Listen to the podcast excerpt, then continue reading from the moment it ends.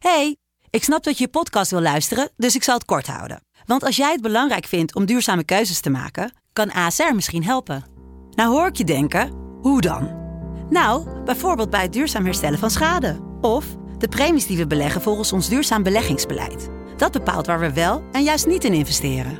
Wil je meer weten over welke duurzame keuzes ASR maakt? Ga dan naar asr.nl slash duurzame keuzes. ASR doet het. Zo, dan kan je nu lekker naar je podcast luisteren. Het blok is terug. Vier koppels, vier bouwvallen, vier verbouwingen en dus een hele hoop stress. Het blok, iedere werkdag om half negen bij net vijf. De stroom.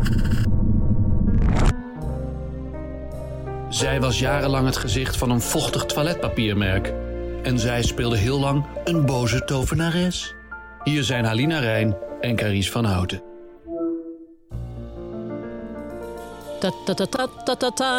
Deze, de, deze aflevering gaat over theater. Theater? Ja. Wat spannend! Je bent daarin opgegroeid theater, toch? Tussen de Oké, schuifdeurtjes. wat was jouw allereerste professionele, professor, professor, Waar? wat was jouw allereerste profession godsamme. Ja, wat was mijn professionele theaterervaring? Ja, je allereerste stuk, echt je rol. De allereerste rol die je speelde na school. Na school. Tijdens school, maar eh, eh, eh, waar je voor betaald werd. Ja, het lijkt net in de quiz. Polly Peachum in, in de Drie Oper, de Three Penny Opera. Oh, dat vind ik wel heel leuk. Brecht en Kurt Weill. Koos Terpstra?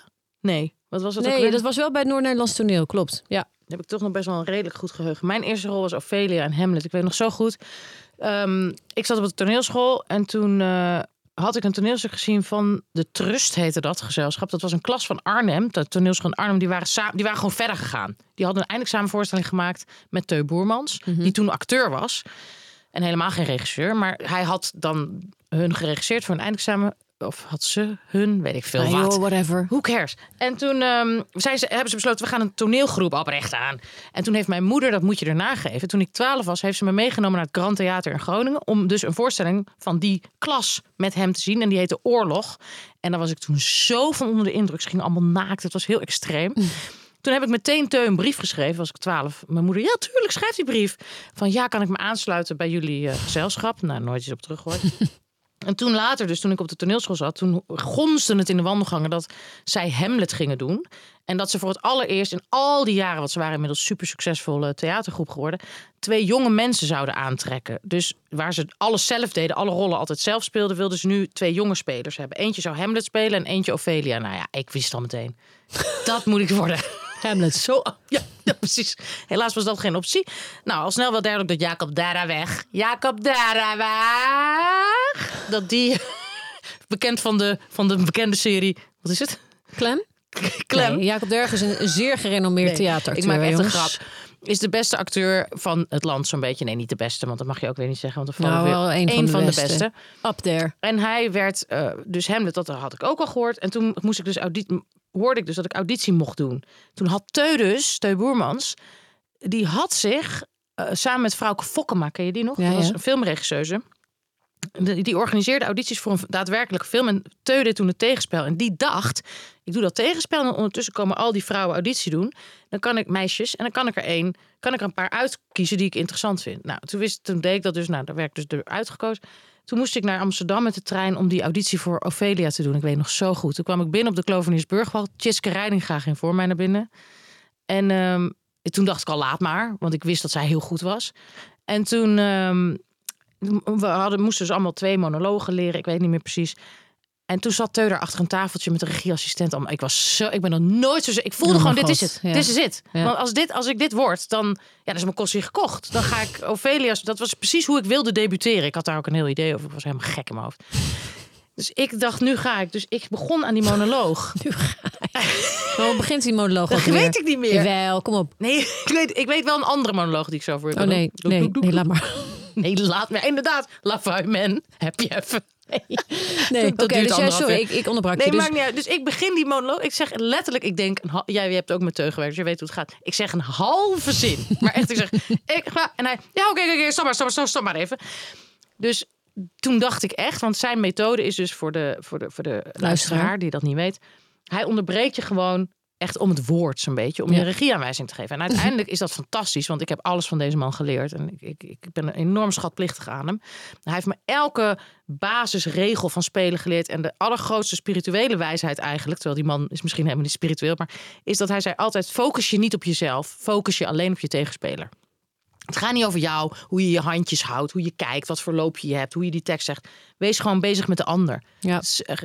Acteren is reageren. Anyway, ik liep dat gebouw uit. Ik weet nog heel goed, Huub was zijn regieassistent. Die had een hondje. Dat was het enige waar ik soort van kalm van werd. Ik liep dat en ik wist gewoon zeker, nou ja, dit was een ramp. Want ik, had, ik was wel een beetje zo'n vervelend kind die op de toneelschool, ja, iedereen vond eigenlijk alles wat ik deed wel top. Dus het was, ik had nog nooit gehoord van, stop maar even, Eh, dit klopt niet wat jij doet. Dus ik ging naar huis en toen, weet ik nog zo, en toen heb ik gewoon niet geslapen totdat die uitslag kwam. Echt als, nou, gewoon, het was echt op leven en dood voor mij. En toen, weet ik, toen belde iemand, zei, er gaat een telefoontje komen. Toen eh, lag ik in dat studentenhuis op de grond in Maastricht. Ik ben echt te hyperventileren. En toen zei Teun van... eh, ja, ik wil niet alleen dat je deze rol speelt, maar ook eh, Shopping en Fucking. Dat was een toneelstuk, voordat mensen denken, wat zeggen ze nou? Daarna, en we bieden je een vast contract aan. En we hebben de school gebeld, maar je hebt een onvoldoende op beweging. Dat komt, dat komt zo meteen naar boven. En ik heb ze beloofd dat ik je wat bijles zou geven in beweging. Nou, en dat was echt zo'n echt zo'n life-changing moment voor mij. Dat ik dacht, het gaat beginnen. Het gaat gewoon beginnen. Vet. En dat gevoel heb ik nooit meer.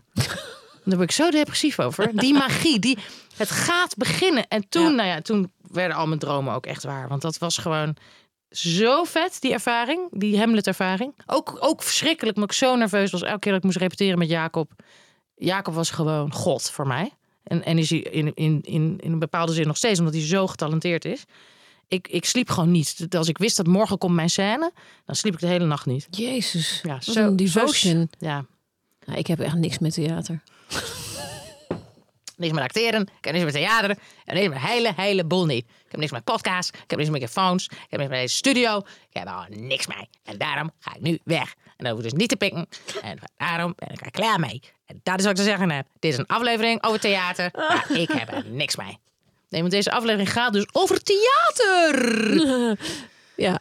Wat, wil je dat ik ook nog iets over zeg? of Ja, ik word zo enthousiast van deze aflevering. ja, ik zie het. Je leeft allemaal op. Ja, maar Je wat moet toch weer betekent terug dat die bühne op misschien. Shit. Nee, nee, nee, nee. In Ja, misschien wel. Nee, nee, nee. nee Maar nee, over regisseren. Ja. Het is toch waar ik vandaan kom. Nee. Ja, ja, dat wel. Ik denk wel dat je het op een gegeven moment nog een keer komt. Oké, ik ga jou regisseren. Dat weet Ja, ik al. top. Dat wil ik echt heel graag. Ja, leuk. Ik weet ook al welk stuk jij ook, maar laten we dat nu nog niet Dat weet ik niet meer. Ben vergeten. Suske en Wiske. En de, Suske, Wiske. de draak van Parugulan. Nee, maar oké. Zal ik iets vertellen over mijn eh auditieervaring? Graag. Dus ik, eh, ik, had, eh, ik ging naar de Kleinkunst. Ik heb ook een auditie gedaan op de toneelschool Maastricht. Werd ik inderdaad ook aangenomen. Maar ik wilde ook mezelf theater maken en ook zingen. En, en spelen en ook dingen maken. Dus toen ging ik naar de Kleinkunstacademie, ging ik daar auditie doen. En dan moest je een zelf gekozen tekst. Ik had een Remco Kamper tekst, een, een, liedje. Eh, ik had eh, Samen zijn van Willeke Alberti.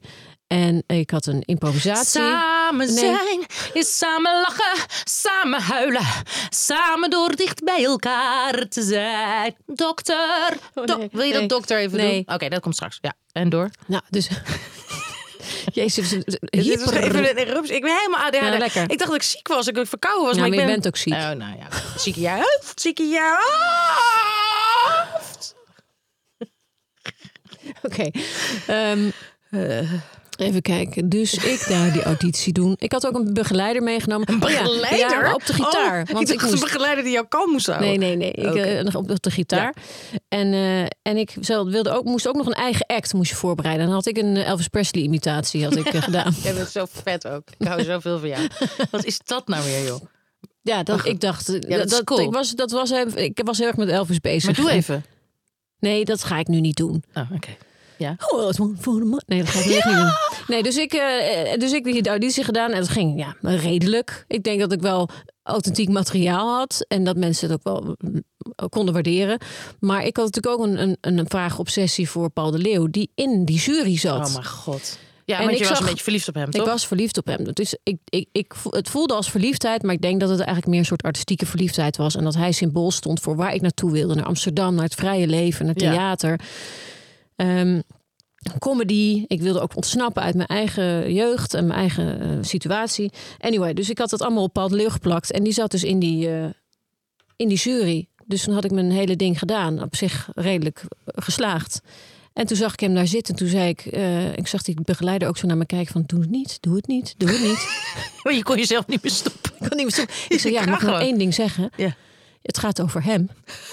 Dus kijk, iedereen zo naar achter, want Paul zat helemaal achterin. En Paul die zat ook een soort van, soort te kijken van, wie, wat is dit? Ik zeg, ja, ik moet het toch even zeggen, want het- deze kans krijg ik misschien nooit meer. Maar ehm, ja, ik droom over je. En ehm, Oké. ja, dus ik had ook erotische dromen over hem. Ja, erotisch niet echt, niet met, niet echt dit. Nee, maar dat had een erotische lading voor jou. Het had een erotische lading. Ik Je wist wel dat hij gay was? Of, of wat? Nou, ja, dat had ik denk ik. Die red flag had ik een beetje Gemist. Maakt niet uit ook. gemist. Ja. Maar het maakte ook op dat moment Nee. allemaal niet uit. Maar ik wilde gewoon door hem. Ik, ik had dromen dat ik over de Wieboudstraat rende. En dat ik riep. Wieboudstraat. En dat ik dan in zijn armen sprong als een aapje. En me helemaal zo om hem heen klemde. Ja, die, Ik snap het heel that goed, hoor. onion, Dr. Freud. Ja. En, ehm, en toen eh, ja, heb ik dat allemaal verteld aan hem. Terwijl Maar- ik net die auditie had gedaan. Dus waardoor ik natuurlijk alles wat ik opgebouwd had... ook meteen weer vernietigd. Vernietigd, door gewoon een soort van de cycle of, of your life werd. ze bouwt van een lop en dan vernietigt ze het weer. Ja, zo is ze, dames en heren. Zo is ze gewoon. maar wacht even, wat was het resultaat van deze Nou ja, dat ik uiteindelijk werd aangenomen, maar wel met de kanttekening van ze is, er is wel een, is een schroefje los. en toen, ja, ze is gek. En toen heb ik uiteindelijk eh, heb ik eh, nog een soort van workshop van hem gekregen. En toen op een gegeven moment ging, Oh, liep op een gegeven moment ook huilend het, het, het, het lokaal uit. En toen kwam hij achter me aan. En toen troostte hij me. En toen dacht ik, yes, het is gewoon nu, mijn droom is uitgekomen. Ik heb hem nu vast en ik, Mm. ik ben gewoon helemaal thuis. Dat is een mooi moment. Zo lief. Ja. Nou, ik vind het een prachtig verhaal. Ik vind het echt een heel mooi verhaal. Dus het was, we hebben allebei he- intense auditieervaringen achter de rug. Jeetje, mineetje, mineetje, minaatje. Ja. Maar en heb, je, heb jij nou, zoals ik nu heel enthousiast word en echt helemaal in, in een soort van zevende hemelgevoel terechtkom, heb jij dat ook met de bühne, met de schmink, de geur van schmink, de coulisse, de kleedkamer, de artiesteningang, De green room. de green Eh, room? Niet zo erg als jij, denk ik. Maar ik kan wel, als ik het lang niet, als ik er lang niet ben geweest, dan vind ik de geur van het theater heel lekker. De geur van dat hout op het, het, het, het, het- het toneel. En eh, ja, het idee van samen met, samen met mensen iets opbouwen van spanning. En dat dan en dat het 2,5 uur gewoon alleen maar dat, dat je alleen maar aan het overleven bent op een bepaalde manier. Dat is ook een heel lekker gevoel. Maar Ja. ik werd op een gegeven moment ook heel zo fanatiek over dat ik gewoon naar huis wilde. En ik wilde ook een bepaalde... Terwijl je aan het spelen was. Ja, ook dat. Maar nee, maar dat ik. Nee. Gewoon naar huis. Nee, nee, nee, nee, dat bedoel ik niet. Maar Oh. dat ik dacht van deze. Dat was bij een voorstelling die ook niet heel erg geslaagd was. Maar dat ik dacht, ik vind het een sport nu om te kijken of, ik het, of we dit in 1 minuut 45 kunnen doen. Ja, het erge is omdat, en daarom alles is duaal, maar want precies wat jij net zegt, die geur van het podium en al die dingen, dat heeft voor mij iets dus ontzettend thrillings, dat ik helemaal enthousiast word, maar ook, ik kan ook me voorstellen dat ik er doodsbang van word. Dus het is zo duaal. En ook wat je zegt, die, je moet natuurlijk, als je toneel doet, moet je iets heel de tijd herhalen. Hè, je moet soms wel 200 keer spelen of je doet het over een periode van 10 jaar. Dus op een gegeven moment kan je bijna niet voorkomen dat je inderdaad gaat denken van ik wil gewoon op tijd naar huis en dan sta je ergens in Maastricht en je weet nog dat je dan s'nachts een bus in moet. Dus de romantiek die, je in, die ik voelde toen ik Ophelia speelde, het kom en dat weet ik ook nog, dat vind ik zo grappig om aan terug te denken. Bijvoorbeeld na de repetitie, dan hoopte ik altijd dat iedereen bleef hangen en dat Ja, je? ja, ja. Nou ja, nu zou ik en niet weten hoe snel ik die deur uit moet komen. Dus dat, dat is zo'n ander. Ja. Alles was nog spannend Nieuw. en ik wilde met al die acteurs praten en ik hoopte dat iemand mij dan zou vragen: zullen we nog een ijsje gaan eten, bij wijze van spreken en en ook in de bus zitten. Naar, dat vond ik fantastisch. Ja, ja Eh, dat snap ik wel. Dat gaat allemaal weg natuurlijk. Hè? Ik Bedoel, dat, gaat allemaal weg. Ik heb dat ook wel bij, bij het eerste eh, eh, televisieserie die ik deed. Dat ik ook met iedereen bevriend raakte. En dat ik met Ja. iedereen telefoonnummers uitwisselde. Ik wilde gewoon nooit meer dat die familie stopte. Nee, want dat is en dat. daarna is dat gewoon... Ja, dan wordt het gewoon. Maar dat, dat omslagpunt, dat kwam.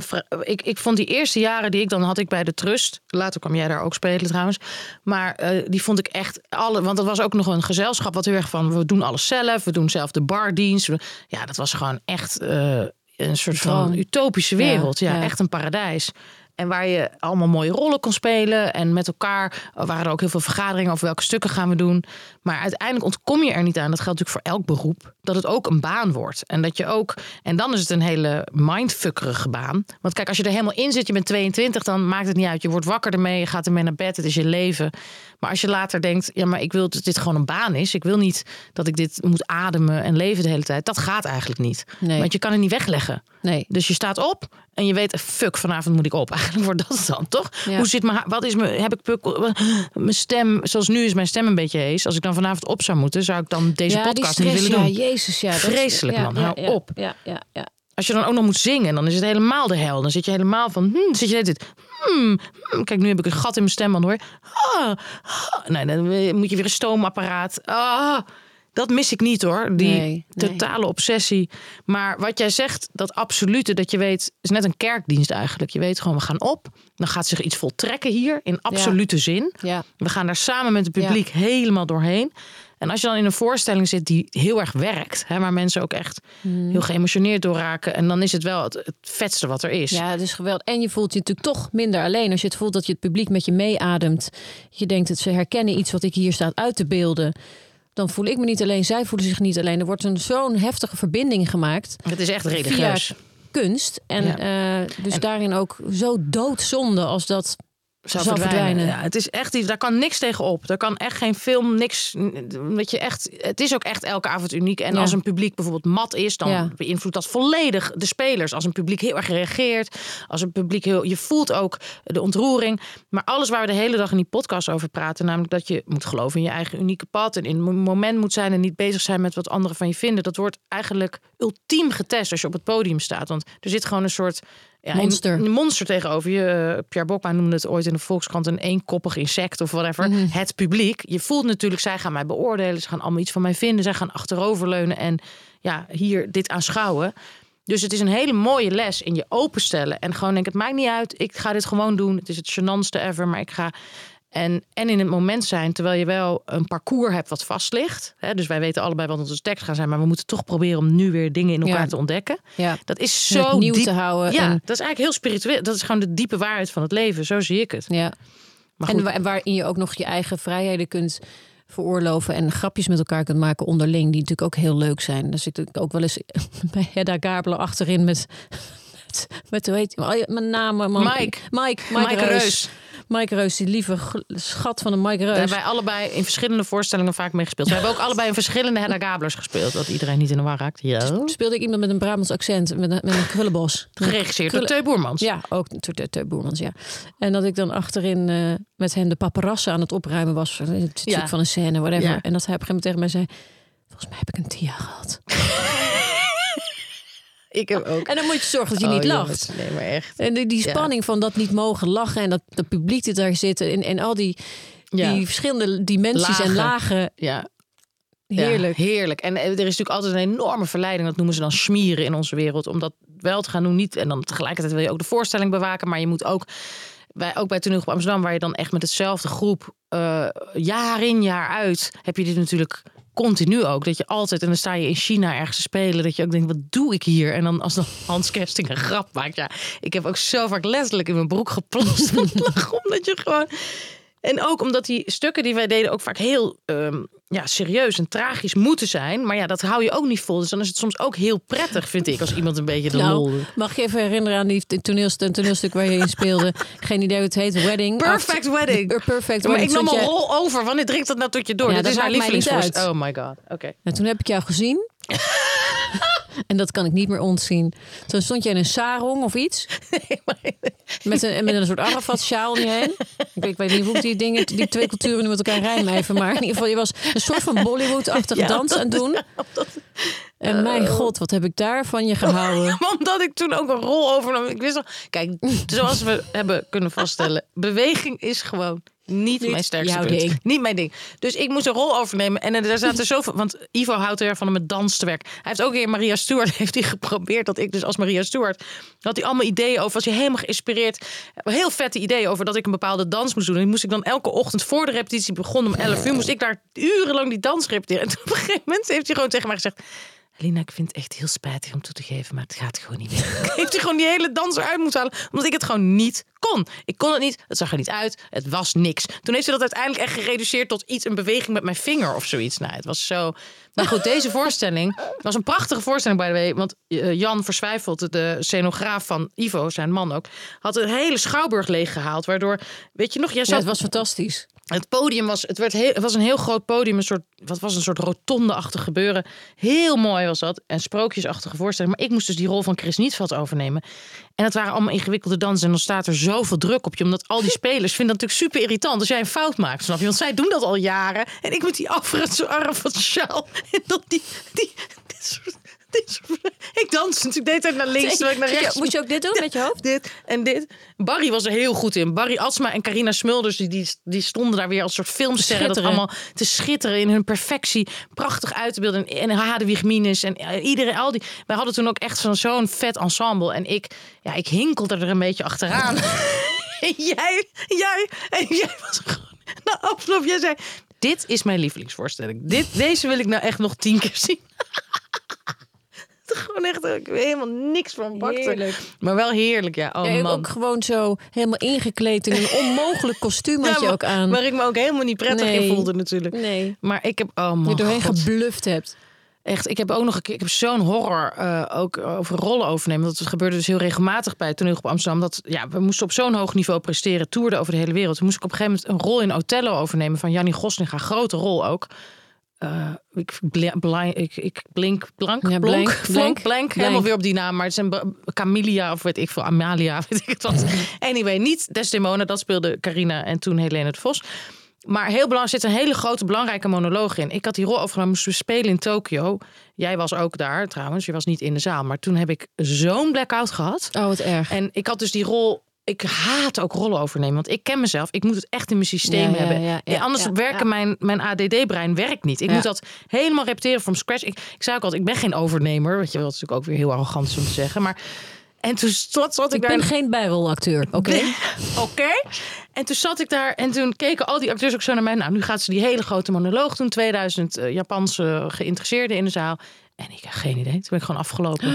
En toen begon echt bij mij van, ik wil dit niet meer. Ja, Dus het ik. werd steeds enger voor mij. Dat was echt gewoon horror. Gewoon echt dat Black Swan gevoel. ja, ik dat je denkt, ik, ik heb het ook wel eens gehad. Vreselijk. En als dat eenmaal gebeurt, het gaat er niet eens om dat je echt vergeetachtig wordt. Het gaat over de angst die zich ontwikkelt dat het weer gebeurt. Ja, exact. Ja. Oh my god, wat een hel. Ja, ik heb het wel eens gehad bij een, eh, in een musical. Ik deed, ik deed, deed veel muziektheater. En dan begon die maat, de muziek begon al. Dus dan moet je op een gegeven moment inzetten. Dus je kan ook niet meer zeg maar eh, bluffen dat je nog een soort pauze neemt. Of wel iets langer nadenken bent of zo. Maar die muziek gaat gewoon. Dus op een gegeven moment dacht ik, hij komt nu. Ik moet nu Oh, inzetten.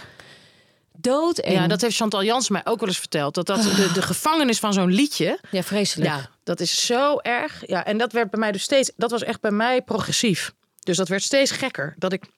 En ik had dat nooit. Want nogmaals, ik, werd echt, ik had echt de bijnaam om machine te zijn. Ik wist iedereen's tekst. Weet je wel, ik was altijd degene die ook heel erg klokslag hetzelfde speelde. En nou ja, dus toen ik dat eenmaal begon te verliezen, toen verloor ik ook echt mijn plezier in het toneel. En toen kreeg ik dus die fantasie van paardjes moe. En dat werd ook een dwanggedachte. Het verhaal van die ballet- balletdanser die dan tegen het publiek zegt paardjes moe en dan afloopt en nooit meer opkomt. Dus toen, de hele magie, dus alles wat we nu bespreken, wat zo mooi is, dat je echt kan leven in zo'n stuk en dat je er troost in vindt en al je privéproblemen erin kwijt kan, was allemaal weg. Ja. Dat is voor mij opeens alleen maar hel. Alsof het, wat jij zegt over dat liedje, zo werd het hele toneelstuk. Sommige toneelstukken speelden wij 15 jaar. Die begon, die, die, die auto begon te rijden, die trein. En ik, ik kan er niet uit. Ja, ja ik dat kan snap er ik. niet uit. Dood. Ja, dat snap ik heel goed. En dan de dwang dat je denkt, ik ga de zaal in rennen. Ik ga, de, weet je wel. Ik ga het dat- allemaal verpesten. Of ik ga iets heel anders zeggen. Of, ja. Maar ik denk wat daaronder ligt, want dat geldt natuurlijk voor iedereen, dat kan je ook op een kantoorbaan hebben, eh, dat je eigenlijk gewoon moet veranderen. Dat je iets moet veranderen. Dat je gevangen, dat klopt niet meer. Je loopt tegen de muur aan. Want er zijn natuurlijk ook heel veel mensen die blijven dat hun hele leven gewoon lekker doen. En die gaan met pensioen in hun, eh, in hun harnas, zeg maar. Of die sterven er zelfs in. Hey, maar over theater gesproken, wat hebben we eigenlijk deze week voor, eh, voor film aan onze... We hebben eh, Murder on the Orient Express. Waar een goede Dus- vriend van ons in mee heeft gespeeld. toch? namelijk Marwan Kenzari. Die ook jouw tegenspeler is in de film Instinct, geproduceerd door Menne. Sluipreclame. Is het sluip of sluik? Ja, sluip. Sluip. Sluipreclame. Nee, het, is, het is deze week schijnbaar eh, Johnny Depp week. Want het is, dus- hij wordt 60. Hij opent kan gewoon dit jaar met, Met een wat? gigantische film met een, vrouw, wat ik vind wel inspirerend, die heet My Way. Die heeft de film geregisseerd, geschreven Hmm. en ze speelt er de hoofdrol in. En Johnny Depp speelt haar whatevers tegenspeler. Anyway, die, ga, die gaan we nog wel bespreken in de toekomst. Maar deze film, hoe heet deze film? Murder on the Orient Oh ja, Express. Het Sorry, is een zie, eh, zo, zo leeg Agatha. Christie verhaal, neem ik aan. Het is een, volgens mij een remake ook. Een film over een trein. Ja, een detective. Moord op een trein. Moord op een trein. En wie heeft het gedaan? Er zitten heel veel sterren in. Ja, zal klopt, vast ja. eh, heel, heel vermakelijk zijn. Ik weet nog dat Marvel nog ging draaien en dat het, eh, dat het een hele leuke groep was. Dus Penelope Cruz zit er geloof Ja, ik er ook in. allemaal grote sterren. Ja. Klopt, ja. En wanneer kunnen we dit eh, prachtige... Vrijdag, 9 juni, half negen. Nou, helemaal top. En Wie in de de- sh- show notes kun je vinden waar je Paramount Network precies kunt vinden. En dan kunnen we lekker met z'n allen naar Marwan kijken in de Orient Express. Hij gaat ook wel lekker hè, daar in Hollywood. Ik weet het niet, ik volg het even niet. Ik, Ja, hij, gaat nu weer, hij is nu weer een of andere film aan het draaien eh, in, de Button, in Buttenland. Buttenland! Wil je nog iets zeggen over theater? Allemaal theater. Weet je nog, dat was een documentaire. Totaaltheater. Allemaal theater. Van Jeroen ja. Krabbe. Dat is wel zo leuk. Dit moet je terug, moeten we eigenlijk terugkijken. Het is allemaal maar ja, theater. joh, wat moet ik allemaal niet Nou ja, terugkijken? oké, ik spreek je volgende week wel weer. Maar eh, liefde voor het theater hebben we dus allebei. En we hebben angst voor de bühne en liefde voor de bühne, Maar ik heb zou wel eens- het lijkt me ook wel eens leuk omdat wij dan op, op een theater gewoon dit gaan. Of, of gewoon. Ja, Nee, nou weet je wat grappig is theater dat je dit zegt? Dat wou ik nog vertellen aan jullie allemaal. Live.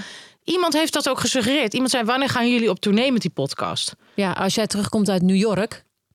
Hollywood. Want ja, ondertussen dus heb jij een, eh, ben jij dat aan het doen en Ja. ik ben de wereld aan het redden. Dus hoe gaan we dit doen? We kunnen ook gewoon stoppen met alles en alleen nog maar dit gaan noemen dan live. Ja, het lijkt mij heel leuk. Maar ook op tour gewoon echt Lutjebroek, Ja, Winterswijk, tuurlijk. Meppel. Amersfoort. Gewoon in een busje. Elektrisch busje. ben jij niks? Ja. Fiets met houten banden. Met een mut aardappelen achterop. Met. Nee, ja, ik, ik ben ervoor. Let's go. Ja, maar jij Eh, kan nooit. Als iemand zich geroepen voelt om de... Nee, maar dan stop ik ook met alles verder. Mhm. ik, heb, ik heb ook echt geen zin meer. Ik heb echt geen zin meer. Ja, je gelooft me niet, maar ik, ik ben moe, joh. Ik ben moe. Ik, ik ga naar hormonen. Ik ga in een busje. Ik ga naar Meppel. Ik ga naar Winterswijk. En ik zit met jou daar. Dat is toch leuk? We gaan gewoon zitten en we zeggen... Wie, waar willen jullie het over hebben tegen het publiek? En dan gaan we gewoon los. En dat, en dat nemen we op. Dat is dan ook een podcast, maar live met publiek. Maar wel met vragen en zo. Ja. Moet wel interactief. Ja, vind laten ik. we even collectief... Jij, ik en de luisteraars... het aan u, dit even rondproduceren. Ja, dat aan het, in, we zijn- Excuse me? ja, laten we het even aan het universum geven. Throw it out Oh there. ja, we bestellen dat is een leuke test. We bestellen nu bij het universum en dan zien we wel even, weet je wel, of dat werkt of niet. Oké, dankjewel. Nou, tot tot de volgende keer. Bye Alles is bye. theater. Alles is toneel. Ja, Carice is dus nu net de studio uitgelopen. Maar ik wilde nog eventjes vertellen en uitleggen... dat er een einde is gekomen aan mijn verblijf in Nederland. Het was veel langer dan verwacht. Ik ben hier echt weken blijven hangen. Ook omdat ik lekker met Jasper Wolf in de weer was. Mijn cameraman, dus ik kon hier ook heel veel werk doen. Ehm, en ik vond het heerlijk om vrienden en familie te zien. En gewoon lekker te genieten van de schone Lego-straten van Amsterdam. Geen kakkerlakken, geen ratten. Ja, ik hoorde trouwens dat er hier ook ratten zijn. Maar goed, die zie je veel minder. Dat zijn bedeesde, verlegen ratten die onder stenen leven. Maar het is tijd, het is tijd, dames en heren, voor mij om weer terug te gaan naar huis. Ik ga nog één keer naar de drogist. Dat is mijn favoriete stek hier in Amsterdam, de drogist. Daar kan ik allemaal attributen kopen, zoals tandenstokers, houten tandenstokers. Kan ik in New York niet vinden. En dan ga ik me weer overgeven aan Hollywood. Ik hoop dat jullie wel blijven kijken, ondanks dat we dan niet meer samen fysiek in de studio zitten. Tot ziens.